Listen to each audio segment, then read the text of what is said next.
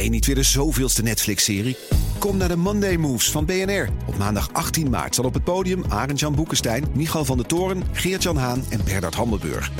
Ze hebben het over geopolitiek. Het is oorlog. Moeten we vechten, vluchten of bevriezen? Onder leiding van mij, Art Rooijakkers. 18 maart dus in het De La Mar Theater in Amsterdam. Check bnr.nl slash mondaymoves. BNR Nieuwsradio. BNR breekt. Ivan Verrips. Goedemorgen en welkom bij BNR Breekt, de perfecte onderbreking van je werkdag. Vanaf half twaalf praat ik over het nieuws van de dag, over het Afghanistan-debat van uh, gisteren en eergisteren. We kijken naar de coronatoegangstesten. De Tweede Kamer wil dat die niet meer gratis blijven. En we hebben het nog even over het taalgebruik van demissionair minister Kaag. Het moet natuurlijk niet te veel over de inhoud gaan hier. Vandaag in mijn panel is eh, Tom de Nooier, SGP-gemeenteraadslid in Oldenbroek. Terug van weg geweest. Heb je een fijne vakantie gehad? Zeker. Zijn er nog dingen in Oldenbroek gebeurd die ik gemist heb, die ik wel moet weten? Behalve dat jullie een uh, Olympisch winnaar hebben?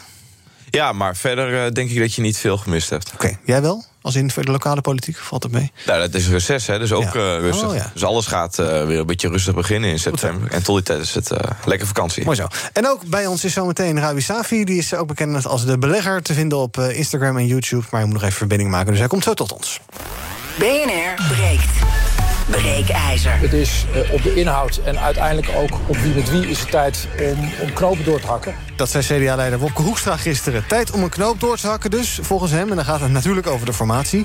Vorige week waren we nog aan het klagen dat er een complete radiostilte was. Wekenlang rondom die formatie. Maar nu lijkt het opeens hard te gaan.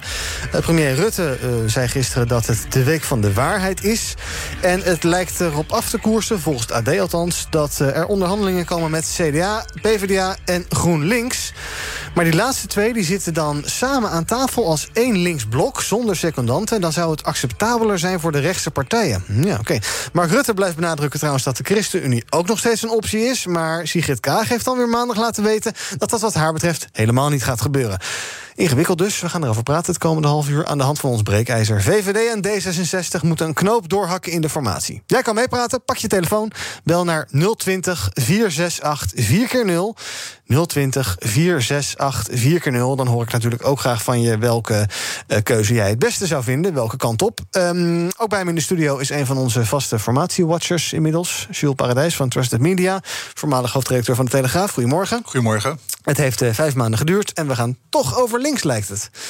Nou, dat is nog maar te bezien. Dat is nog maar te bezien. We, uh, want de doorbraak zal dan uh, zijn dat uh, er mogelijk gesprekken gaan komen tussen VVD, CDA, D66 en dan een combinatie van GroenLinks en de PvdA. Mm -hmm. Als een soort opmaat naar een soort fusie. En ik denk dat dat ook een slimme weg is om uiteindelijk dit na anderhalve maand, uh, deze ongewenste coalitie, om die dan ook af te strepen. Want dat, dat, die gelegenheid biedt dit ook. Want je, dus van een doorbraak is nog geen sprake. Uh, dus je zag natuurlijk ook dat stuk, daar werd ook over gemeld van nou, dit is allemaal fantastisch. Het is het begin van een regeerakkoord. Niets van waar. Uh, en ook dit, denk ik dat Rutte en, en ook CDA, dus VVD en CDA, eigenlijk niet nee kunnen zeggen om met deze partijen aan tafel te gaan mm -hmm. zitten. Om vervolgens, als het echt, echt om de inhoud gaat, om ze af te serveren. Ja, het gaat hem wel klappen, dus denk je. Nou, dat, dat, is, dat is vrijwel zeker. Hm. Dus, dus zeg maar, het, enige wat we zeker weten is dat we zeg maar, in augustus en in september en waarschijnlijk ook niet in oktober een kabinet hebben. Hm. Um, naar mijn panel even kijken. Uh, ik praat zo meteen met je verder. Ja, Tom, uh, stel het zou over links gaan. Is dat dan uh, gruwelijk voor jou en voor conservatief Nederland? Nou, ik word daar niet vrolijk van. Nee. En uh, ja, Jules zegt misschien terecht, hè, dat, dat zal de toekomst uitwijzen dat dit het misschien niet eens gaat worden. Mm -hmm. Maar laten we toch absoluut wel opmerken dat D66 dit spelletje heeft gewonnen. D66 wilde niet met de ChristenUnie en wilde heel graag met PvdA en GroenLinks. En D66, Kaag heeft precies op het goede moment heeft ze gezegd... ik wil niet met de ChristenUnie, waardoor nu ja, eigenlijk als enige optie... nog de PvdA en GroenLinks overblijven. En daarmee heeft de VVD en het CDA gewoon verloren van Kaag. Laten we het gewoon zo hard zeggen, want zo zit het ook. Want dat goede moment dat dat mes in die rug kwam, dat was afgelopen maandag. Ja, nou ja, ja. inderdaad in de week dat de opzet voor voor de aanzet voor een eventueel iets van Mhm. wat uiteindelijk moet uitmonden in een regeerakkoord gepresenteerd werd. Op dat finale moment, dus dat, er gekeken, dat de inhoud even klaar was en dat er moet gekeken worden naar partners. Op dat moment heeft Kaag een hele slimme zet ge- gedaan. Ja, en Hoekstra en Rutte staan erbij en hebben ernaar gekeken. Misschien zijn ze achter de schermen wel boos geworden. Maar nu gaat het in ieder geval zo verder. En ik, ja, dat is zeker eh, geen winst voor iemand die zich eh, omschrijft als rechts en eh, conservatief. Heel jammer ook voor de ChristenUnie. Ehm, dus we zullen moeten kijken waar dit op eh, uitdraait. Maar links heeft tot nu toe gewonnen. Nee, nee, maar kijk, je, als je een doelpunt scoort, heb je de wedstrijd nog niet gewonnen. Hè?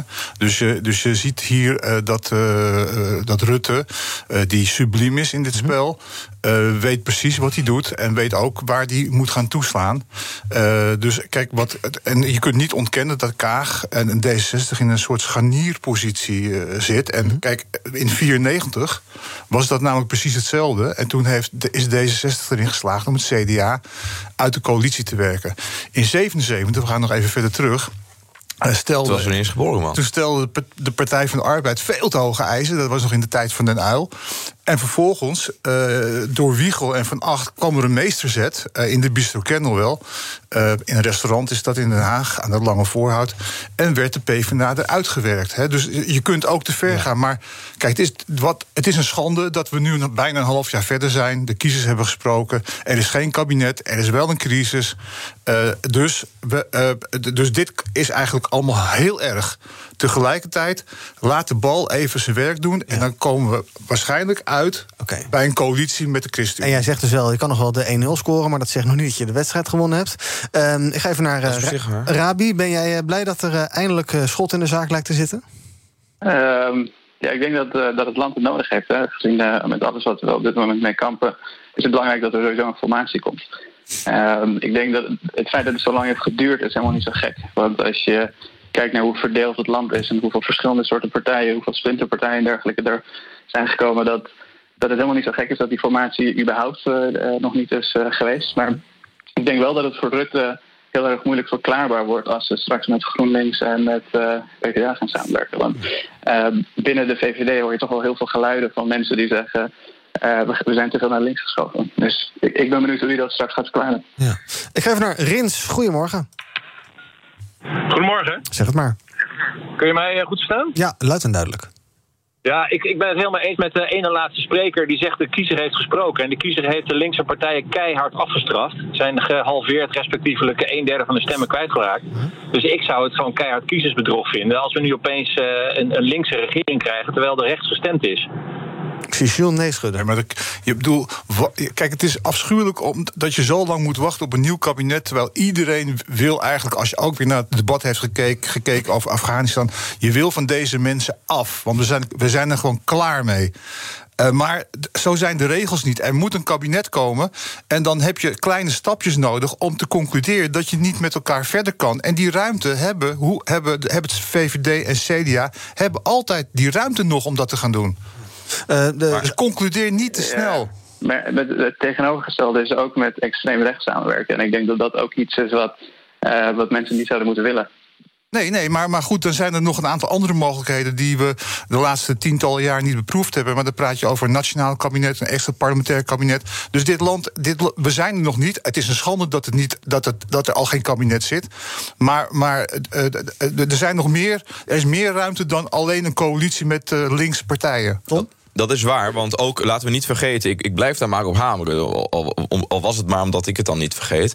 Maar laten we jaar 21 niet vergeten, met heel veel zetels in de Eerste Kamer. Rutte heeft dat als allereerste optie ook genoemd. Is hij nu compleet buiten be- beeld. En ik wil wel even mijn instemming geven ook aan de woorden van Jules. Dat was een goede aanvulling op wat ik zei. Betekent nog niet dat dit ook de uitkomst is. Dus het kan maar zo zijn dat inderdaad het klapt. Dat hebben we ook gezien in 2017 met GroenLinks. En dat er dan weer andere opties op tafel komen. Kan ook als een breekijzer inderdaad werken. Dus dat ben ik helemaal met je- je eens. Alleen ik vind de werkelijk waar sneuwe vertoning nu. Met de deeltjes die gemaakt worden met ja, dan, dan geen secundanten. En dan kunnen we opeens wel met links. Ik ben, dat, dat slaat toch nergens op. Het gaat er één om wat er uiteindelijk op papier staat. Dus daar hebben secundanten toch helemaal niet, niet mee te maken. Als je goed kunt onderhandelen, is dat helemaal, vind ik dat irrelevant. En eh, nou ja, daar zou ik dus ten tweede wel een reactie ook op willen van VVD en CDA. Het gaat om de inhoud. Eh, Hoekstra zei: als er één optie niet voor de hand ligt inhoudelijk, is het wel met de twee linkse partijen samen. Rutte had ook geen trek in. Laat ze maar eens reageren waarom dat, dat nu toch nu als eerste nu toch gaat ge- eh, geprobeerd worden. Maar, de- maar de, ach- de achtergrond hiervan is natuurlijk dat PvdA en GroenLinks... grote delen van die twee partijen... die eigenlijk t- t- ja, zeg maar, eh, op leven na dood zijn, allebei... Hè, eh, dat die eigenlijk denken aan een soort samenwerking. Ook een fusie misschien zelfs wel. Hè, dus, dat, dus dat zou je zo kunnen, zo kunnen verklaren. Ja. En, en kijk, en het is natuurlijk wel raar... dat rechts, extreem rechts, hoe je het ook maar wil noemen... maar Gebaseerd in ieder geval, rechts. zeg maar... ik, ik, ik, hou zeg Nou, maar... ik hou niet zo van die term extreem rechts... want iedereen, iedereen kan dat Ja, zelf invullen. Maar, maar eh, d- het is natuurlijk wel raar dat een miljoen mensen, anderhalf miljoen mensen, maar het hoort nou eenmaal bij ons systeem, dat een, een anderhalf miljoen kiezers eigenlijk eh, zeg maar aan de zijlijn eh, staan. aan de kant worden gezet. In het AD, eh, in het AD lees je dus vanochtend over die, eh, wat je net noemt over die secondante, Tom. Dat, dat ja, PvdA en GroenLinks zouden dan eh, met Ploemen aan ta- en Klaver aan tafel komen zitten. En dan niet met een tweede man of vrouw erbij. Ehm, wat is dat voor idee? Is, Nou, de- de- is dat, dat- dan kijk, zou, het op twee, op twee poppetjes zou het plan slagen of klappen. Kijk, het is natuurlijk heel. Je ziet natuurlijk dat aan de linkerkant, geregisseerd door D66, dat er van alles eh, gebeurt om met name deze coalitie op een of andere manier tot stand te brengen. Dat, je had natuurlijk ook het etentje op zondagavond, het lekken naar het AD. eh, dus in feite doet Kaag het eh, uitstekend. Hè? Als je, het, als je er op die, op die manier naar kijkt. Alleen, ja, de, eh, nu proberen ze, dit is ook een middel om toch P, of, eh, CDA en VVD eh, te verleiden om, om aan tafel te komen. Ja. Want kijk, één ding weet je zeker: het komende kabinet wordt een klimaatkabinet. Dat, dat heeft Rutte ook al gezegd. Er komen hele zware, zeg maar zware maatregelen Mhm. aan op dit gebied op, op basis van het VN-rapport. Dus dus dat, dat komt natuurlijk redelijk goed uit. Maar op het moment dat je de cijfers gaat invullen, hè, dus hoeveel ga je, eh, hè, wat, ga je bijvoorbeeld eh, de, de, de, de, de, fossiele brandstof voor eh, auto's, ga je dat eh, in, in 2030 echt doorvoeren. En je gaat windmolens eh, eh, ver- zeg maar verveelvoudigen. Ga ze maar door, ga ze maar door. Misschien ook, kern, misschien ook kerncentrales bouwen. Dat is dan de VVD-kant. Maar, maar, maar dat zal vooral de komende vier jaar zal dat hoofdthema gaan worden. En daar vinden de partijen zich misschien wel op. Ja. Tom, ehm, eh, eh, ja, het, CDA, laten we daar ook nog even naar kijken. Eh, is, het, is het verbazingwekkend dat die partij meedoet? Nee, hè? Nee. Het moest wel. Ik kan me nog herinneren dat ik die de vorige keer zat met Hielke Onning. En die was toen heel erg afwachtend en zo van... ja, maar het CDA schuift misschien niet aan. Tuurlijk schuift het CDA er aan. Er is geen enkele optie denkbaar eigenlijk waarbij het CDA niet aanschuift. Eh, van mij hadden ze dus ook eigenlijk, had ik toen ook al aangegeven... ook al eerder mee mogen schrijven met dat aanzetje voor dat regeerakkoord. Want dan heb je het CDA gelijk binnenboord. Hoef je daar niet moeilijk over te doen. Nu krijg je misschien ook nog wat reserves vanuit het CDA... terwijl je die al eerder weg had kunnen nemen. Waar gaat het om? Dat je eigenlijk op die manier had je dus weer snelheid kunnen winnen. En dat gebeurt telkens niet. Telkens zie je weer vertragingen. En eh na eh tig nog steeds geen schot in de zaak. En dat is jammer. En inderdaad, wat Jules ook al net zei... het kan een keer gaan klappen. Misschien gaat het wel twee keer klappen. Wanneer we nou, hebben we nou uiteindelijk echt een kabinet? Het kan nog heel erg lang gaan duren. En dat is ontzettend sneu. En ik hoop dus dat VVD en CDA nu rekenschap gaan geven... van dit sneuwe deeltje. Waarbij zij dan opeens gewonnen hebben of zo... dat er dan geen secondant aanschuift. Wat is dat voor schertsvertoning en voor onprofessionele houding? Laat ze maar verantwoording afleggen. BNR breekt. Ivan Verrips. Met vandaag in mijn panel Rabi Safi, ook wel bekend als de belegger. Tom de Nooier, SGP-gemeenteraadslid in Oldenbroek. En ook in de studio is Jules Paradijs, voormalig hoofdredacteur van de Telegraaf. En hij is nu van Trusted Media. We praten over ons breekijzer. VVD en D66 moeten een knoop doorhakken in de formatie. Wil je erover meepraten? Pak je telefoon en bel naar 020 468 4 keer 0 020 468 4 keer 0 Dat heeft Henk onder andere gedaan. Goedemorgen. Goedemorgen, met Henk. Zeg maar. Ehm, ja, ik, eh, zolang de neo- neoliberale eh, politiek eh, er blijft, en dat is ook niet alleen economische tweedeling in de samenleving, maar ook mentaal, ge- geestelijk, zeg maar. Hè. Dat is een, een helft van de Nederlandse bevolking wil gewoon iets anders, waarvan die ene helft dan ook weer niet weet waar het precies door komt. Maar ehm, ik ben wat ouder en ik weet dat in de tijd van de sociaaldemocratie, daar had je iets te kiezen. En dat is het nu niet meer. Dus het is de val van de muur. En al, dat is een tijdje terug, maar gewoon, het is allemaal geld, het is allemaal marktwerking. En daardoor komt die grote ellende. De woningbouw en al, noem ze maar op. De, het- de verzorging van de oudere mensen, zieke mensen. Dus daarom, je krijgt gewoon mensen zijn ontevreden, weten niet meer waar het aan ligt. Nou, alleen de elite weet het wel, maar die heeft het er nooit over. En wat is de oplossing dan? ja, de oplossing is weer eh over links voor een groot deel. Ja. Dus zeker eh, die twee partijen erbij, eh, de Partij van de Arbeid en GroenLinks. En dan eh, maar eens een keer eh, flink er tegenaan, want dus zul je zien dat de bevolking ook tevredener wordt. Oké. Maar we moeten niet alleen maar, meneer, eh, gaan klagen. Want dit land eh, is een fantastisch land. En je kunt eh, over alles iets Zeg zeggen. Mark Rutte. Eh, nee, maar, Super gaaf land. Nee, maar, maar kom. Eh, eh, je ziet dat die, de economie herstelt zich vanuit, de, vanuit de crisissituatie rond corona. We hebben, een, we hebben echt, als je zegt van ja, we hebben geen natuur in dit land. Ik bedoel, we hebben, we- we- het Nederland is één groot park. met, met prachtige weilanden, plassen, meren. We hebben een, onze, als het gaat om onze, onze koopkracht, hè, zelfs. Ja, natuurlijk. Er, mensen, mensen, er zijn mensen die hebben, hebben armoede. Hè, als je geen baan hebt en als je niet kunt werken. Maar we hebben toch ook een fantastisch. eh, sociaal systeem om niemand hoeft die honger te lijden. toch zijn Eh, zwervers, dus wees, wees, ga nou niet zeggen. eh, Ik bedoel, Johan Derksen, ik ga het niet herhalen, heeft iets gezegd over dit land. Hè, maar dat- is echt Zei hij niet dan? Ik waar. heb niet gehoord. Nou, KUT-land. Oh, ja, ja. Maar, maar dat, als we dat nou allemaal gaan adopteren, Ja. dan zijn we fout bezig. Want Ja. we moeten, kunnen ook echt trots zijn op dit land. Hè, alleen ja, we willen wel, een, we willen wel geen demotionair kabinet. Hè, want je zit, je zit nu wel in een mistig gebied tussen democratie en niet-democratie. Want het kabinet zit er, kan eigenlijk niet naar huis gestuurd worden. Kijk wat er het afgelopen week is gebeurd rond Afghanistan. Dat was natuurlijk tenenkrommend. Hè, wat daar, eh, hoe, het, hoe dit kabinet heeft gereageerd en hoe ze is omgegaan met de Tweede Kamer. Hè, dus je zou het liefst dit kabinet zo snel mogelijk naar huis willen sturen. Maar ze zijn in feite al naar huis, want ze, ze zijn demotionair. Ja, maar ze zitten er nog wel. Rabi, als jij uit een economisch eh, oogpunt kijkt, eh, of als de belegger zijnde, wat is dan de meest wenselijke combinatie? Dat is misschien wel de meest rechtse combinatie Ja. die je kan bedenken. Eh, nou, kijk, ik, ik kijk het niet, ik bekijk het niet economisch, maar heel persoonlijk. Kijk, ik kom zelf uit Afghanistan, dus het hele gebeuren wat nu gaande is, dat, eh, dat, dat raakt mij ook gewoon in het hart.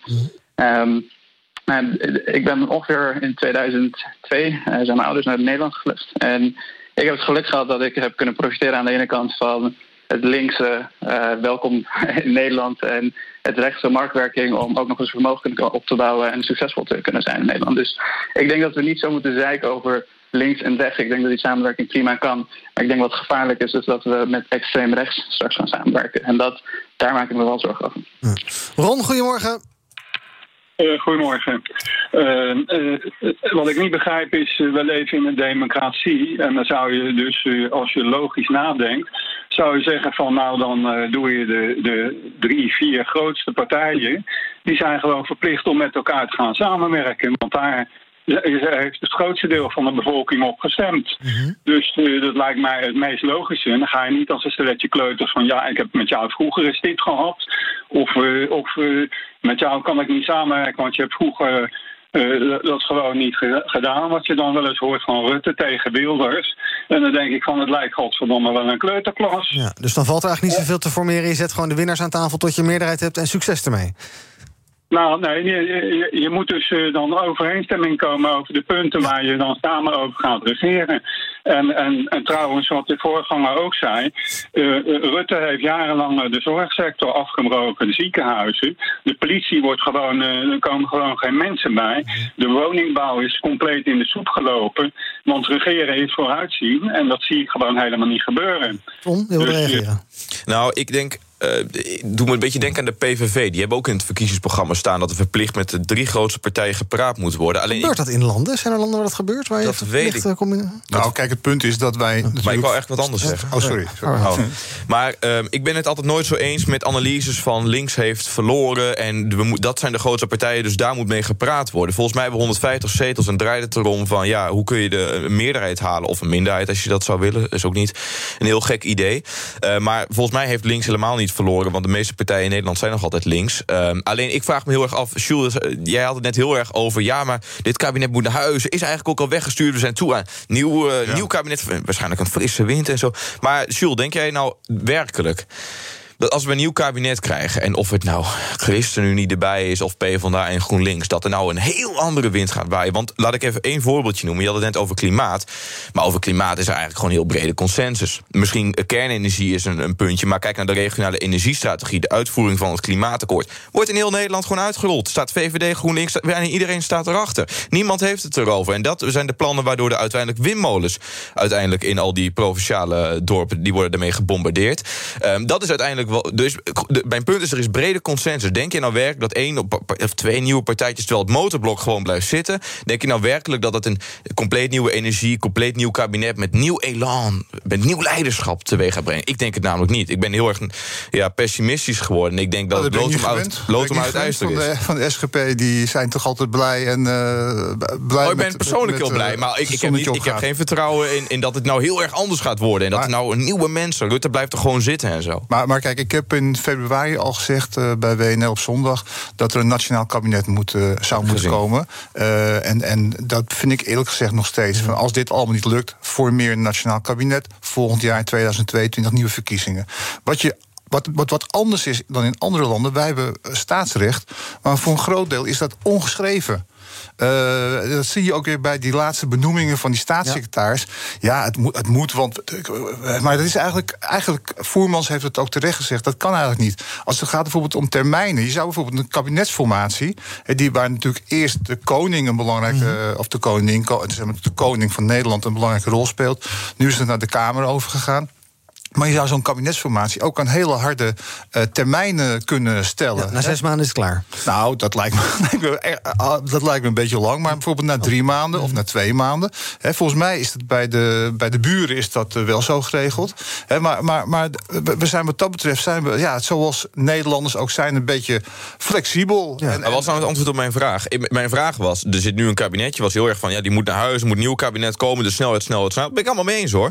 Maar mijn vraag is, denk jij werkelijk dat als er een nieuw kabinet komt met groot, uh, groot deels dezelfde poppetjes, dat we nou echt nieuw elan, nieuw leiderschap, nieuw, nieuw. Uh, denk je dat dat nou echt uitmaakt? Nou, ik denk eerlijk gezegd niet. Maar, okay, maar, nee, daar zijn we het eens. Maar, maar, dat, maar stel dat uh, zeg maar de, allerlei mensen van de SGP in het kabinet. ja, dan komt er wel. Die, ja, dan... die zonder, zonder enige bestuurservaring.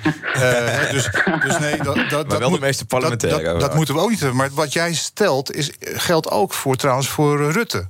Want daarvan is, is natuurlijk ook van ja, even los van die discussie die we natuurlijk in april, mei hebben gehad, stelt natuurlijk ook van is, is de soep, is, is de melk uh, niet overgekookt en zijn we eigenlijk, hebben we eigenlijk op dat gebied ook niet meer elan nodig. Ja dus het, we zitten wel op een soort breek, breeklijn. Maar mevrouw Kaag zal straks ook gewoon weer minister van Buitenlandse Zaken worden. Ja, uh, en, en met alles wat er de afgelopen dagen is gebeurd, is, is als het gaat om haar populariteit en om haar geloofwaardigheid.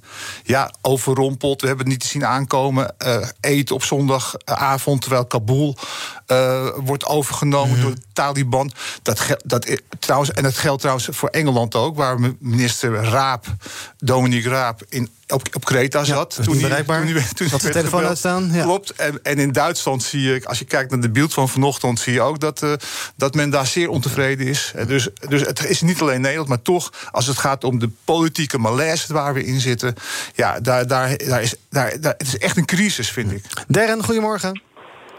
Goedemorgen. Zeg het maar. Nou, ik denk dat we uh, continu aan het discussiëren zijn over uh, links-rechts. Maar uiteindelijk komt het uh, volgens mij meestal neer op wie waarvoor betaalt. Dat is toch waar we het meeste ruzie over hebben. Dus hè, klimaat of pensioenen of noem maar op. En ik vraag me af of we niet onnodig elkaar de tent uit aan het vechten zijn. Want uiteindelijk hebben we ook gewoon met demografische ontwikkelingen te maken waar niemand echt wat aan kan doen. Bijvoorbeeld dat vroeger de acht werkende per gepensioneerden waren. En dat zijn er nu vier en dat worden er twee. Dus misschien moeten we ook gewoon accepteren dat er meer druk ligt en dus ook minder geld is voor iedereen. Uh, in plaats van dat we de hele tijd links versus rechts uh, framen. Ja. Daar ben je het wel mee eens, denk ik, hè, Rabi? Ja, volledig. Ja, ja. en ik bedoel, ik, ik, hoorde net iemand het hebben over is dat nieuw leiderschap als we met het klimaat werken. Ik denk dat dat juist nieuwe, nieuw leiderschap is. En dat Rutte echt iets fantastisch neergezet. Dat de grootste laadvalfabrikanten ter wereld nu gewoon in handen van Nederland zijn in plaats van in handen van andere landen, omdat we daar juist vroeg mee waren. En ik denk dat het slecht leiderschap is om maar met fossiele brandstof te blijven werken. Dus. Ja. Laten we nog even luisteren naar Gert-Jan Segers van de ChristenUnie. Die heeft uh, niet echt meer zin om aan te schuiven. Althans, niet is wat het lijkt, maar dit zei hij. Ik begreep dat er heel veel mensen in het mandje lagen. Dat er wel zes in het mandje lagen. Dus het is heel gezellig in het mandje. Ja, uh, ja nee, het was heel, heel, bijzonder dat je met z'n zes in een mandje kunt liggen en niet gewend zijn. Dus ja, ik weet niet precies wat dat allemaal betekent. En of we die beeldspraak heel ver moeten doorvoeren. Maar uh, ik ga in ieder geval weg. Ja, Gert Goed allemaal. Dag. Ja, dag hoor, tot ziens. Gert-Jan Segers zei geloof ik ook iets zoiets als Tom van ja, ik voel me niet, ik ga er wel heen, maar ik voel me niet echt welkom meer. Zeker na dat interview van mevrouw Kaag. Ja, dat is ook zo. Dus uh, de, de ChristenUnie is absoluut nu niet aan zet. Heel jammer voor de ChristenUnie. Maar inderdaad, wat Jules zegt, het kan klappen. En dan is opeens ligt die optie weer helemaal open. Als second best misschien wel. En dan gaat Rutte zeggen, ja, maar Kaag, je sluit uh, de ChristenUnie wel uit. Mm -hmm. Maar ja, die eerdere optie heeft niet gewerkt. Dus inderdaad, het kan ook een tactisch spelletje zijn uh, van de VVD. Alleen, ik vind het nu heel erg slecht verkocht. En ik zou, het niet, ik zou niet zo makkelijk overstag gaan om nu dan te gaan praten. Maar voor de ChristenUnie is het, kijken of dit lukt. En anders afwachten en dan misschien dan je kans grijpen. Ja, maar ik heb eerlijk gezegd wel een beetje mijn buik vol van meneer Segers. Uh, want die kan zo in een uh, theaterstuk uh, als theater, theater van de lach.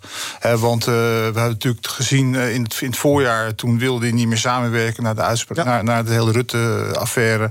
En, en, en, dan opeens weer wel. Dus, dus het, is, het is ook allemaal een beetje toneel hoor, wat je, wat je hier ziet. En inderdaad, hij wacht even rustig af. Kan dan zijn, kan dan zijn eisen gaan stellen. En daar zal D66 dan akkoord mee moeten gaan. Ja. maar maar het, dit, dit is eigenlijk toch een soort uh, toneelstuk waar we met z'n allen naar zitten te kijken.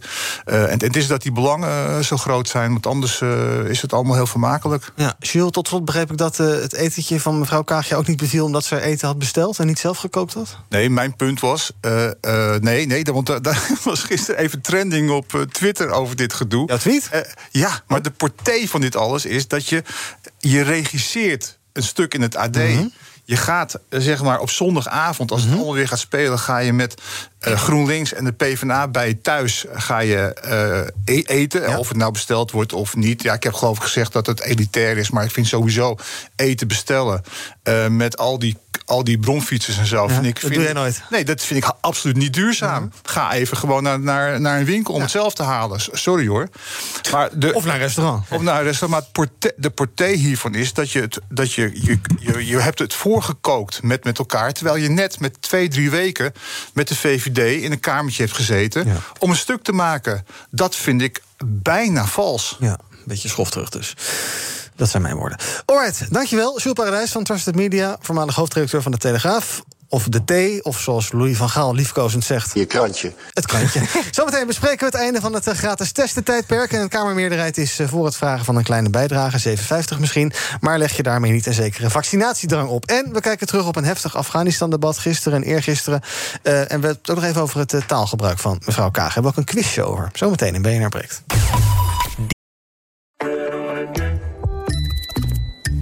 Het Eneco Klimaatreport van deze week komt uit Amsterdam. Ik ben Pascal en ik sta hier met de oprichter van Wikkelhuis op de werkplaats. Oep, wat zie ik hier? Ja, je ziet allemaal huisjes. En welke rol speelt energie-efficiëntie in jullie ontwerp- en bouwproces? We bouwen alleen maar met hernieuwbare materialen. Maar het leukste is dat we eigenlijk uh, zonne-energie gebruiken voor onze elektriciteit. We hebben duizend zonnepanelen op ons dak van de werkplaats. Duizend zonnepanelen, dat zijn er een hoop. Ik kan me voorstellen dat er veel stroom vanaf komt. Ja, er komt een enorme bak met stroom uit. En soms in de zomer is dat ook te veel. En daarom werken we samen met uh, Eneco, met het uh, opwek optimaal systeem. En wat doet dat systeem? Een soort dimmer. Dat als er te veel stroom is, dat je dat zeg maar wat terug reguleert, zodat er geen netcongestie ontstaat. Want dan zou alles vastlopen. Uh, juist de balans op het energienetwerk. Ja, precies.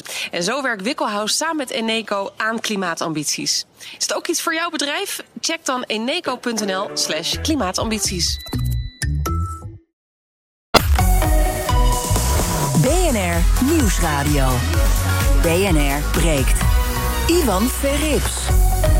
Welkom terug. In mijn panel vandaag Tom de Nooijer, uh, gemeenteraadslid voor de SGP in Oldenbroek... en Rabi Safi van de Belegger. Uh, we gaan uh, tweede half uur altijd het nieuws van de dag bespreken. Te beginnen met Afghanistan. Het was een behoorlijk pittige debatdag gisteren in de Ridderzaal. De Tweede Kamer debatteerde daar over Afghanistan... en de Kamer was niet bepaald mals over de manier... waarop de bewindspersonen vragen beantwoorden...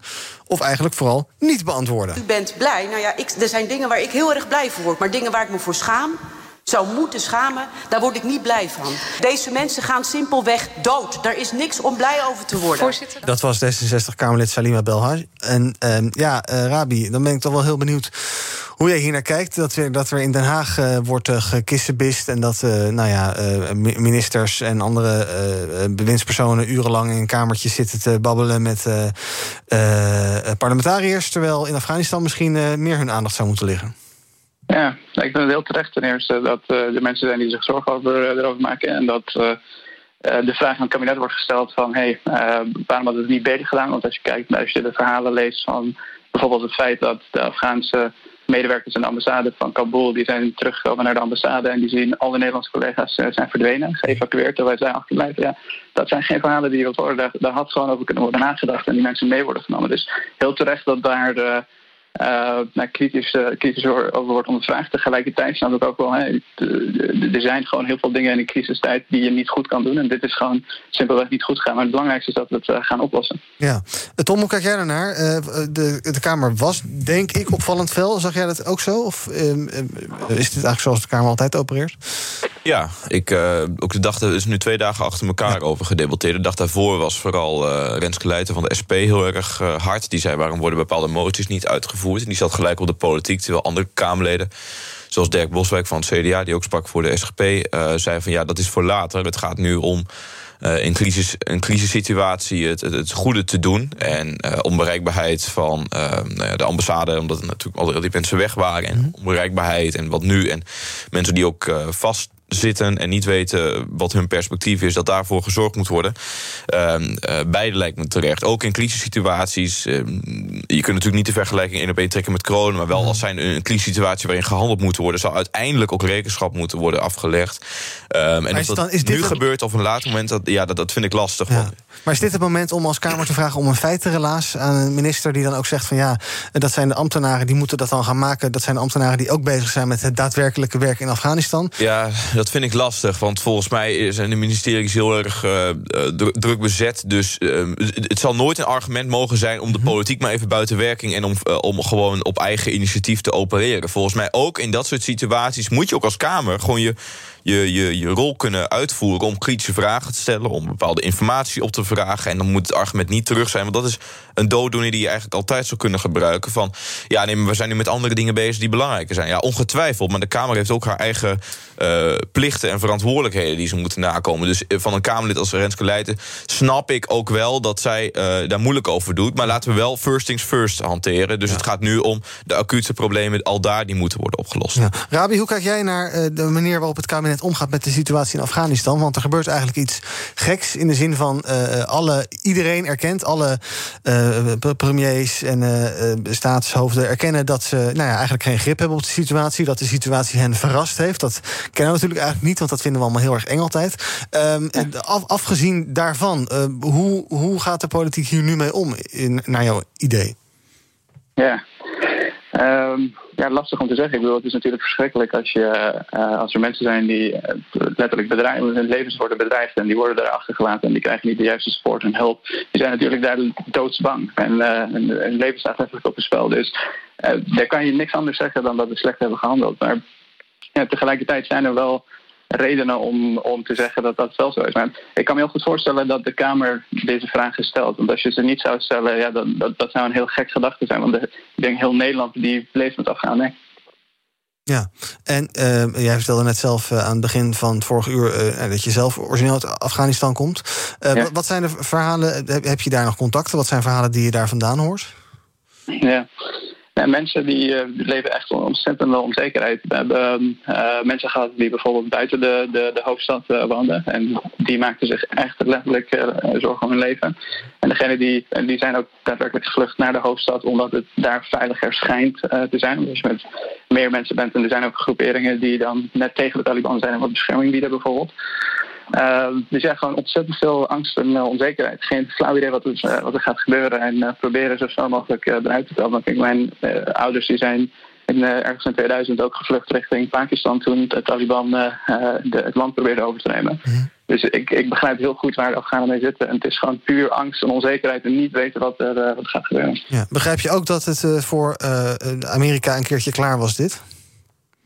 Ehm, nee, dat begrijp ik niet. Want uh, Amerika had er eigenlijk nooit moeten zijn. Dus uh, ik denk dat er nu heel erg wordt gedaan alsof het heldhaftig is van Amerika om op te vertrekken en dat ze de Afghanen geholpen hebben. Dat is natuurlijk helemaal niet waar. Amerika die was op oorlogspad. En die is daar ooit heen gegaan om ehm, samen met de Taliban tegen de Russen op te trekken. En uiteindelijk zijn ze tegen elkaar gekeerd en zijn, zijn ook op trade centers uh, uiteindelijk opgeblazen. Um, en vanuit daaruit zijn ze met elkaar oorlog gaan voeren. En de Afghanen zijn ertussen gebleven. Dus nee, ik snap niet waarom ze dat, dat, dat er wordt gesuggereerd dat, ze, dat het verkeerd is of zo goed is dat ze weg worden gegaan. Ze hadden er nooit moeten zijn. Nee, nee, maar goed, als je er eenmaal bent, dan moet je natuurlijk een keer weg. En eh, Biden zei ook in die tv-toespraak van ja... Uh, dat al, dat al wel een dag één al weg, weg moet gaan, wat mij betreft. Ja, dat begrijp ik. Maar dat hebben ze niet gedaan. Dus ja, dan moet je toch een keer wel weg. Of is ja, wat is dan... Ja, ik snap het hoor. Bedoel, ja. Maar ja, na twintig jaar, uh, er komt een keer een moment dat je dan zegt... ja, dan ja. moeten we toch weg. Ja, precies. En als je dat dan toch doet, doe het dan vooral goed. Hè, met, uh, samen met de Afghanen zorgen ja. dat het geleidelijk gebeurt. Uh, en niet binnen drie maanden, omdat uh, Trump het had gedeclareerd. En drie maanden later zeggen, ja, nu gaan we alsnog weg. Nee, dus gewoon geleidelijk met de Afghanen zorgen dat de mensen die veilig moeten zijn. Zoals de ambassademedewerkers, zoals de pers. Die waarschijnlijk gewoon letterlijk vermoord gaan worden. Dat je daar wel gewoon rekening mee houdt. En die mensen eerst beschermt voordat je weggaat. Tom? Ja, dat is ook inderdaad het punt. Uh, want ik denk ook dat je op een gegeven moment weg moet gaan. Ik kan me ook aansluiten bij de vraagtekens van hadden we er überhaupt moeten wezen, et, et, et cetera. Uh, is deze exercitie uh, at the end nuttig geweest. Uh, maar dat is inderdaad niet de Het belangrijkste is hoe dit nu is gebeurd. En de, de rol die Amerika erin speelt. En de chaos die eigenlijk uh, uh, nu er is in onder meer Kabul. ik zag de laatste bericht dat er ook werd getwijfeld hoe lang Amerika nog op de luchthaven blijft. Nou, als, dat, als dat wegvalt, ja, dan wordt het gigant. Dan wordt de chaos nog groter. Het is nu, hoorde ik ook al chaos op de weg er naartoe naar het vliegveld. En dat is al een verschrikkelijk grote ramp. En ik zag ook, al een, een, tolk die is neergeschoten in zijn been door een Taliban-strijder. Dus het is een verschrikkelijke situatie daar. Maar je moet er niet aan denken wat er gebeurt als uh, Amerika hals over. Ik, ik, ik las die bericht. Ik weet niet of dat gaat gebeuren of dat, of dat en wanneer dat zou gaan gebeuren. Was het op korte termijn gebeurd, ja, dan, dan laat je je bondgenoten keihard vallen. En als er dan nog mensen zijn die geëvacueerd moeten worden, ook niet, nog niet alle Nederlanders zijn er, of, of mensen die hier naartoe zouden moeten komen, ja, dan, uh, dan heb je echt een gigantisch probleem. Dus we komen we hard wel vast wat er in de toekomst ook mee ja. gaat gebeuren op korte termijn. Dat Biden heeft gezegd ja. dat in ieder geval tot, het ook tot na 31 augustus blijft, als dat nodig is om Amerikanen er weg te halen. Maar goed, ik hoop het. Uh, ja, Amerikanen. Gaat, exact, dat is iets anders. Alright, um, ja, nou ja, conclusie eigenlijk alleen maar verliezers, toch, Rabi? Gaan. Oh, sorry. Oh, sorry. Nee, ja. De conclusie is dat eigenlijk ja, een soort ja. shitshow met alleen maar verliezers. Ja, ik was even, mijn microfoon was even verkeerd. Maar inderdaad, alleen maar verliezers. Die zijn geen uh, winnaars. En uh, dat hebben we allemaal met z'n allen aan Amerika te danken. Een partner die, als je kijkt op allerlei vlakken, niet, gewoon simpelweg niet betrouwbaar lijkt. Right. Um, ander nieuws van gisteren, uh, ook uh, uit de Kamer. Uh, want er was middags ook nog een ander debat over het coronabeleid. En daaruit bleek dat een, na de stemmingen dat de meerderheid van de Kamer een eigen bijdrage wil gaan vragen of daar akkoord mee is voor corona-toegangstesten. Testen voor toegang, behalve voor mensen die niet gevaccineerd kunnen worden. Minister De Jonge die zegt dat hij dat redelijk vindt, want iedereen heeft inmiddels lang genoeg gehad om zich te laten vaccineren. En die bijdrage moet ook een stimulans zijn om de laatste mensen alsnog over de streep te trekken. Dit zei Jan Paternotte van D66. Op 20 september heeft iedere 12-plusser de mogelijkheid gehad om volledig gevaccineerd te zijn. We zullen dan nog blijven werken met testbewijzen. Maar op welke datum kunnen we gaan vragen om een bijdrage voor die test? Wat mijn fractie betreft kan dit vanaf oktober. Nou, Tom, vanaf oktober heeft iedereen de kans gehad om geprikt te worden. En ook mensen die misschien niet gelijk op die brief gereageerd hebben. En daarna, ja, als je dan nog steeds niet uh, mee wil doen, dan zijn daar dus consequenties aan verbonden. Goed idee? Ja, dat is natuurlijk niet een goed idee. Dat had je al wel verwacht. Mm -hmm. Maar nee, ik vind het. Uh ik vind het echt heel erg kwalijk. Iets waar, uh, waar de Kamer eerst. Je ziet, dat is mijn punt altijd met corona geweest. Dat heb ik ook al heel vaak hier gezegd. Is het punt van de glijdende schaal. En de salami-tactiek zou je het eigenlijk kunnen noemen. Het gaat steeds verder. En met smerige trucjes, waar de Kamer eerst bijvoorbeeld nog zegt van geen vaccinatie, dwang en drang. Wordt daar nooit invulling aan gegeven door het kabinet wat ze daar precies mee bedoelen. En wordt het nu weggezet als stimulans. Wat natuurlijk eigenlijk gewoon een soort van verplichting is. Want je wordt gewoon financieel kaart gepakt als je niet laat vaccineren. En ik vind nog altijd met artikelen artikel 11 van de grondwet voorop dat ehm, je het recht moet hebben om dat zelf een, dat het een individuele afweging is. En dat als je principiële bezwaren hebt, als je twijfels over hebt, dat je die mag hebben. En dat je ook. Eh, en natuurlijk, het is goed dat de overheid daar informatie over verspreidt. En dat, er, ehm, eh, dat die keuze in die zin dus. Dat, dat de informatie aan de burger toe komt. Maar die keuze moet wel vrij blijven. En als je nu elke keer 7,5 euro weer te genoeg moet betalen. op het moment dat er 75 mensen of meer zijn. En niet zomaar bij iets groots, maar dat geldt ook voor de horeca. En dat geldt ook voor eh, culturele bijeenkomsten. Ja, dat kan natuurlijk steeds verder worden opgerekt. We weten het ook als er een wet voor moet worden gemaakt. Ja, wanneer wordt die ingetrokken? Dat kan heel erg lang gaan duren. Uh, dus ik denk bijvoorbeeld dat het kabinet pas zijn met die persconferentie die kaart toen werd uitgegeven. Dat ze op termijn die uh, coronabewijzen willen laten vallen. Mijn voorspelling is dat het niet gaat gebeuren of dat ze daarna direct weer terugkomen. ik, ik, ik, ik, ik ben daar heel erg wantrouwend over. En wat ik nu hoop, mijn enige hoop eigenlijk nog, want er is volgens mij een Kamermeerderheid, is dat de ChristenUnie die hier niet voor is. Ik heb ook mevrouw Bikker gehoord van de ChristenUnie, Tweede Kamerlid, die zei: Ik heb hier bedenkingen bij. Uh, uh, dat zij in, daarvoor gaat liggen in het kabinet. Want dit zijn wel principiële kwesties. Dit gaat toch om of als jij een eigen afweging wil maken, moet je er toch niet op die manier ehm, financieel voor benaderd worden. Want elke keer die testen, ook de SP kwam met kritiek van ja, arme, arme gezinnen dan. Er wordt gestraft als je niet meedoet. Exact. En dat zou niet moeten kunnen. En bij D66 had ik er al weinig verwachtingen van, want die zijn niet meer liberaal. Maar uh, uh, ik hoop dat, de, dat een partij als de ChristenUnie, die nog een enigszins een positie heeft nu in het demissionaire kabinet, hiervoor gaat liggen. Want dit is echt een verschrikkelijk, uh, de, ja, verschrikkelijk vooruitzicht. En waar gaat dit stoppen? Ik heb geen idee, maar ik hou me hard vast. Ze kunnen het kabinet toch niet meer laten klappen, dus dat is mooi. Nou ja, ga er maar voor liggen dan. Zo vragen aan Rabi hoe hij erover denkt. Maar eerst gaan we even minuten bij. BNR breekt. Thomas van Zel, die uh, blij wordt als hij zijn eigen naam hoort, zie ik. Nog altijd, hè? Mooi zo. Hey, zometeen eens de zaken doen. Uh, jij hebt uh, het Nijpels te gast, geloof ik. Dat klopt. Over de voortgang van het klimaatakkoord gaan we halen wat we ooit hebben afgesproken. En is dat dan genoeg om ook te voldoen aan de Green Deal van Frans Timmermans? Er zijn inmiddels ook mensen die zeggen: nee, het moet eigenlijk radicaal anders. Een van hen is Ronald Plasterk. Heeft hij nog een soort oorlogje mee uitgevoerd in de Telegraaf? Hè? Want je zou kernenergie serieus moeten overwegen. Toch eens kijken of daar wellicht al wat meer draagvlak voor is. Er is uh, voldoende te bespreken, zometeen met Ed Nijpels. De show begint met Jeroen Rijpkema. Hij is de directievoorzitter van Triodos. Daar hebben ze goede cijfers bekendgemaakt en tegelijkertijd aangegeven... we stoppen de handel in certificaten, die houden we nog even stil... terwijl beleggers er wel van af willen. Dus dat is onwenselijk, zeggen ze zelf ook. En kennelijk is er toch een goede reden om de handel even stop te zetten. En Pieter Hein van Mulligen is er over het feit dat er in Nederland nog altijd een soort kinderboete bestaat voor vrouwen die een kind krijgen... en die dan meteen uh, minder gaan verdienen. En niet meteen alleen als het kind geboren is... maar tot vijf jaar na de geboorte van het kind. Neemt wel iets af. Maar als we het toch hebben over uh, de emancipatie... en het belang van vrouwen die meer gaan werken... dan is het toch vreemd dat er nog altijd een kindboete bestaat. Dus of daar iets aan te doen is... dat ga ik zo meteen vragen aan Pieter Hein van Mulligen. Mooi divers. Zo is het maar net. Het schijnt belangrijk te zijn Wat tegenwoordig. Een divers programma. Heel ja, diversiteit. Ook bij BNR belangrijk. Uh, zometeen zaken doen met Thomas. BNR breekt. Nou, dan dus even naar Rabi. Uh, ja, een, zelf betalen als je uh, testen voor toegang wil doen... en je wil je niet laten vaccineren. Vind jij dat een, een logisch idee? Dat je na een tijdje zegt van ja, vaccineren, die kans heb je gehad... en dus betalen maar. Ja, het is geen gek idee. Maar ik kan me wel voorstellen dat Nederland er niet op zit te wachten. Nederland vindt sowieso niks, niet leuk om ergens voor te betalen. Maar als het ook nog eens iets is waar je verplicht wat, wat, wat een verplichting is, ja, dan wordt het uh, heel vervelend. Dus ik, ik denk dat het geen zin heeft. Ik denk dat de meeste mensen überhaupt, uh, of ze sowieso gevaccineerd zijn. Ik geloof dat we in november de meeste van die maatregelen ook gaan opheffen. Dus ja, ik, ik, zie geen reden om daar nu nog voor te gaan betalen. Nee, en is het dan ook dus een, een, principiële kwestie? Want je krijgt natuurlijk ook allerlei, misschien allerlei kloven mee van mensen, ja, arme mensen die dat niet kunnen betalen, uh, die dan dus dingen niet gaan doen die ze eigenlijk wel zouden willen doen. Ja, je, je, je, krijgt er misschien een beetje toch een soort tweedeling in de samenleving ook. Ik denk dat je de, over het algemeen uh, kunnen heel veel Nederlanders 7,5 euro betalen, denk ik. Dus ik denk niet dat dat zo'n groot issue gaat zijn voor heel veel arme gezinnen. Ik kan me wel voorstellen dat als je arm bent en je moet, je moet 7,5 euro betalen, dat je denkt van ja, waar moet dat nou? Maar het is niet zo dat ze het niet, niet kunnen betalen. Maar um, die mensen kunnen ook natuurlijk om het in de tussentijd gevaccineerd worden. En, uh, en, volgens mij gaat het in november gaan al die maatregelen af. Dus ja. het nut zie ik er niet van in. Nee, precies. Ja.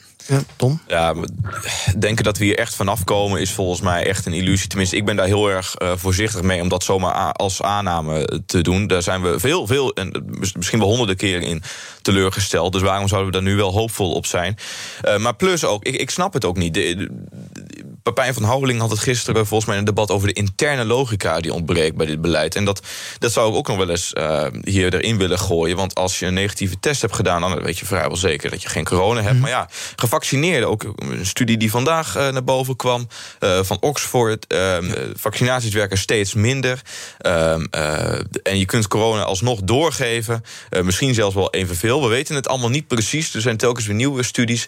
die vaccinaties worden allemaal wel betaald. Er komen, en dat is een never-ending story. Want we krijgen boosters. Maar ik kan je voorspellen, volgend jaar krijgen we misschien wel weer een heel agressieve variant. En dan kunnen we zo weer een paar prikken in onze arm zetten. Dus er schijnen naarmate de tijd voor het steeds minder te werken. Dat bleek ook uit die studie die nu eh, naar boven is gekomen van Oxford. Dus ik vraag me af waarom. En je kunt wel zeggen, ja, 7,5 euro is niet veel. Maar het is per keer per persoon. En ga dat maar eens even aan die arme gezinnen uitleggen. En dan kun je daar heel makkelijk over praten. Ik zou het zelf ook wel uh, kunnen betalen of zo. En daar zit het probleem niet. Maar het probleem zit wel dat ik niet voor mezelf hoef te spreken. Maar ik ook zie dat er een groep is in Nederland die daar wel heel veel problemen mee kan krijgen. En als je dan, en dat hoorde ik net al een beetje voorzichtig, en dat vind ik onwenselijk. Als dan de vraag komt, maar je kunt je toch laten vaccineren, ja, dan zijn we verkeerd bezig. Want ga dan nog maar eens betogen dat er geen sprake is van dwang. Dan word je toch linea, dan word je toch direct naar, uh, naar de prikbus gestuurd om, om je te laten prikken. Hoe kun je dan nog spreken dat er geen dwang of drang is, terwijl de Kamer eerst zei dat moeten we absoluut niet doen? Waar is dat dan gebleven? Wat komt daar dan van terecht? Oké, okay, uh, we gaan het nog even hebben over uh, een uh, onderwerp dat te maken met beleggen. Want dat blijkt uit onderzoek van Bux dat Belgen beter beleggen dan Nederlanders. Dat is natuurlijk enorm platgeslagen. Maar Jorik Naaf, de CEO van Bux, die vertelt het als volgt. Wat de Belgen voornamelijk veel goed doen en, en ook onder de knie hebben, is dat zij begrijpen dat je periodiek op een, op een goede manier verspreid over een verschillend portfolio geld belegt over een langere periode. En de Nederlanders zien we nog op dit moment iets meer uh, speculeren uh, op, op meer aandelen. En, en daardoor zie je dat overal de, de, de portfoliowaarde van de Belgen iets hoger is dan die van de Nederlanders. Ja, gemiddeld 10% hoger dus. En bovendien beleggen Nederlanders vooral in Nederlandse aandelen, terwijl België, Belgen veel gespreider zijn. Ook buitenlandse aandelen daarin handelen. Rabi, je krijgt uit dit verhaal een beetje het idee, de indruk dat de Belgen wat verstandiger beleggen. Is dat ook jouw indruk? Um, nou, ik, ik, heb Jörg Nijshuis uh, persoonlijk uh, wel eens gesproken over uh, van, Bux. maar ik denk dat dit vooral is, is natuurlijk. Bux is niet een enorm grote broker waar wat een hele goede sample zou kunnen zijn om een studie te kunnen doen over of Nederlanders of Belgen beter of niet hebben. -huh. Bux wordt vooral door hele kleine beleggers gemaakt, vaak of gebruikt, vaak jongeren die misschien met 200, 300 euro spelen per, uh, per maand of iets dergelijks. Ja. Weet je wel? Dus ik, ik denk niet dat, dat je op basis van kan kunnen zeggen dat Belgen beter zijn dan, uh, dan Nederlanders. Maar mocht het zo zijn, dan zijn er een aantal karakteristieken waardoor je een betere belegger bent. En dat zou de Belgen op zich wel kunnen zijn. Want als je erover nadenkt, als je wat conservatiever bent, en in mijn idee zijn Belgen dat meer dan Nederlanders, uh, dan ben je vaak een goede belegger. Ja. Als je wat minder temperamentvol bent, en dat zijn Belgen vaak meer dan Nederlanders, dan um, ben je een betere belegger, simpel gezegd. Mm. Weet je wel? Dus als je die twee kwaliteiten alleen al hebt, uh, dan ga je vaak heel erg uh, ja, heel goed scoren met beleggen. Dus ik kan me wel voorstellen dat, dat het waar is. Maar of, om te zeggen dat, uh, door, dat het door cijfers van Bucks kan worden aangetoond, dat, dat, ja, dat ik. We gaan even kijken wat de trending is in de socials. Onder andere hashtag Urn. Bij mevrouw in namen inbrekers vannacht een urn met as van haar vader mee. Mochten die inbrekers naar BNR Breekt luisteren... breng die urn even terug, alstublieft. Uh, ook uh, trending is hashtag Kutrabobank... want zij blokkeren rekeningen van complotdenkers... en dat vinden sommige van de leidende voorwerpen niet leuk. Hashtag Neurenbergcode. De antivaccinatiebeweging komt inmiddels goede vergelijkingen tekort... om hun zorgen te uiten en dus komen ze met dit soort teksten. En ook hashtag Gouden Kalf is trending geworden... zojuist uurtje geleden twee uurtjes geleden. Want ook de prijs voor beste hoofdrol en beste bijrol... zijn vanaf nu genderneutraal. En dus heb je niet meer de beste mannelijke hoofdrol... of de beste vrouwelijke hoofdrol, maar gewoon de beste hoofdrol. Scheelt ook weer één prijs per categorie, stukje bezuiniging. Um, nou ja, één prijsje dus. Wie heeft er uh, gewonnen? Tot slot heeft Caroline van der Plas van BBB... kritiek op demissionair minister Kaag. Zij gebruikt namelijk veel te moeilijke taal... en ook uh, veel te veel Engels. En daarom is het tijd voor... Vaag of. Onze eenmalige quiz, vaag of kaag. Is dit gewoon vaag taalgebruik? Of is het taalgebruik onlangs gebruikt door kaag? En wat betekent het eigenlijk? Ik ga jullie om en om woorden voorleggen. Kijken of jullie weten wat het betekent. En of het kaag is of dat het gewoon vaag is. Rabi, tarmac, weet je wat het is? Uh, nee. Het is gebruikt door Kaag. Het is een ander woord voor platform op een vliegveld. Gewalst mengsel van steenslag of teer. Tegenwoordig asfalt. Maar het is dus een kaagwoord. Tom, asstrand. Wat is iets, als iets als strand is, wat is het dan? Je moet iets zeggen. Vaag. Het is inderdaad vaag, want het is niet door K gebruikt. Dat betekent dat dit een brutaal iets is. Ehm, Rabi, eh, anamnese. Anamnese, wat weet je wat het betekent? Geen flauw idee, joh. Het is een intakegesprek met een arts, maar het is niet door K gebruikt. Eh, Tom, deze weet je denk ik wel, een laissez-passer. Oh, eh... Oh, nu ben ik hem gewoon kwijt. Oh, maar, dit, dat is, een maar het is wel... Ja, het is wel zo'n kaart. Ja, Ja, ja, het is een- zo'n reisdocument. Ja, och. Ja. Waarmee je dus bij het verliezen van je paspoort gewoon naar het huis kan. niet meer Ja, Rabi, nog eh, twee doen we er dan. Eh eh, rassure- rassureren. Rassureren, geen flauw idee. Het is in letterlijke zin herverzekeren, maar het betekent ook geruststellen. Het is trouwens gewoon vaag, want het is niet door K gebruikt. En eh, tot slot laten we nog even voor Tom nemen een sui generis. Dat is ook vraag. Nee, het is kaag. Oh, het is kaag. Ja, Dan weet ik het niet. het betekent dat het iets eigen in zijn soort is. Een op zichzelf staand ding. Dat gebruikten ze gisteren in het Kamerdebat.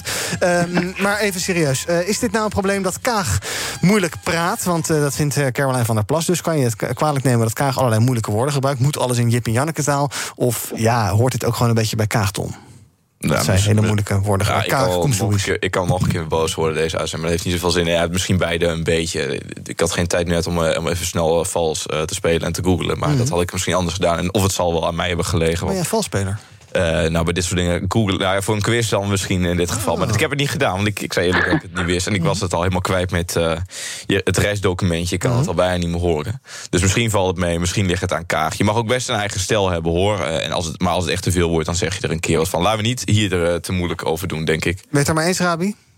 Eh, nou, als Baudet het zou zeggen, zou dat allemaal raar vinden op een of andere manier. Maar als ik Kaag het zegt, vind ik dat helemaal normaal. Past gewoon een beetje bij haar. Is die ook een beetje flauw van Caroline van der Plas? Die heeft dan een tweetje geplaatst met daarop een handgeschreven briefje... met alle moeilijke woorden van Kaag. En daaronder dan wat het betekent, de versimpelingen. Dus misschien wel een beetje... Ja, heeft zij nou niks beters te doen? Ja, nou, ik denk dat die woorden die je opnoemt, als je dat in een zin zegt, dat je hem heel makkelijk gaat snappen. Maar als je ze zo opnoemt, ja, ik, ik zou nooit weten wat het betekent. Ja, ja. Verschuil je maar weer achter dat het niet in de zin zit. Oké. Alright, dank jullie wel vandaag voor jullie aanwezigheid bij BNR Breekt. Rabi Safi, de belegger, en Tom de Nooijer, SGP-gemeenteraadslid in Oldenbroek.